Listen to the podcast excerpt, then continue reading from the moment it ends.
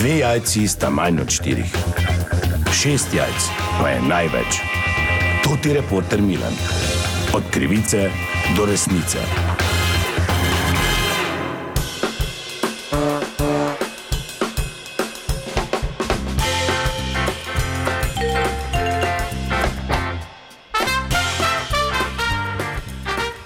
Dame in gospodje, to je reporter Milan, sem ponovno na sledi zgodbe. Bodite pozorni in opozorite sploh svoje starše oziroma starejše občanke in občane. Na vrata namreč lahko pridejo lažni zdravstveni delavci, ki vas lahko opeharijo za zajetno vsoto denarja, kar se je žal zgodilo tudi gospe Magdi, pri kateri sem ta trenutek doma.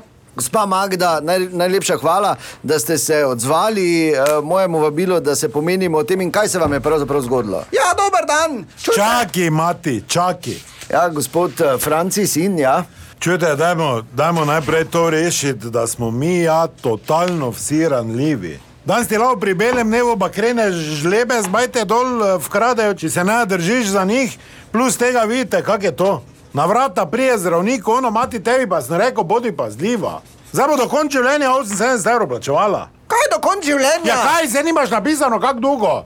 Mesečno 78 evrov za neki kup plastike, no lepo vas prosim. Kaj pa se je zgodilo, gospa Magda? Ja, prišla je gospa, rekla, da je fizioterapeutka, tesno not povabila se, vsedla, naprej me slikala. Z aparatom vas je slikala, obsevala. S telefonom me slikala, da bo pol mela dalje, kak smo kupci zadovoljni, ali kaj te zvem kaj. Pol pa mi je strajno prodajala to mašino, pa sem tako rekla, da ne bom tega imela. Pol pa me je gledala, rekla, čude gospa, tako vas gledam, ne boste več dolgo mogli hoditi. Pol pa rekla, vidite, s to mašino, toto, evo tu, s to mašino boste lahko v daljino skakali še.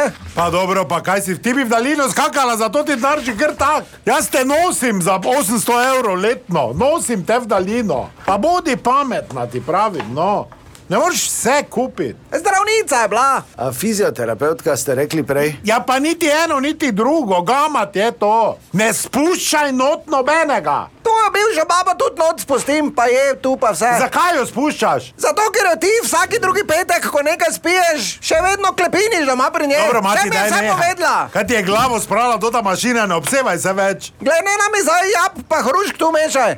Počakajmo dva meseca, pa bomo videli. Mogoče bom lahko skočila, takrat si pa pravičo mi. Grem jaz službo. Dobro, v vsakem primeru bodite previdni, vse srečo, gospa Magda, do naslednjič. To je bila še ena zgodba, raziskoval sem jo tudi Milan od krivice do resnice.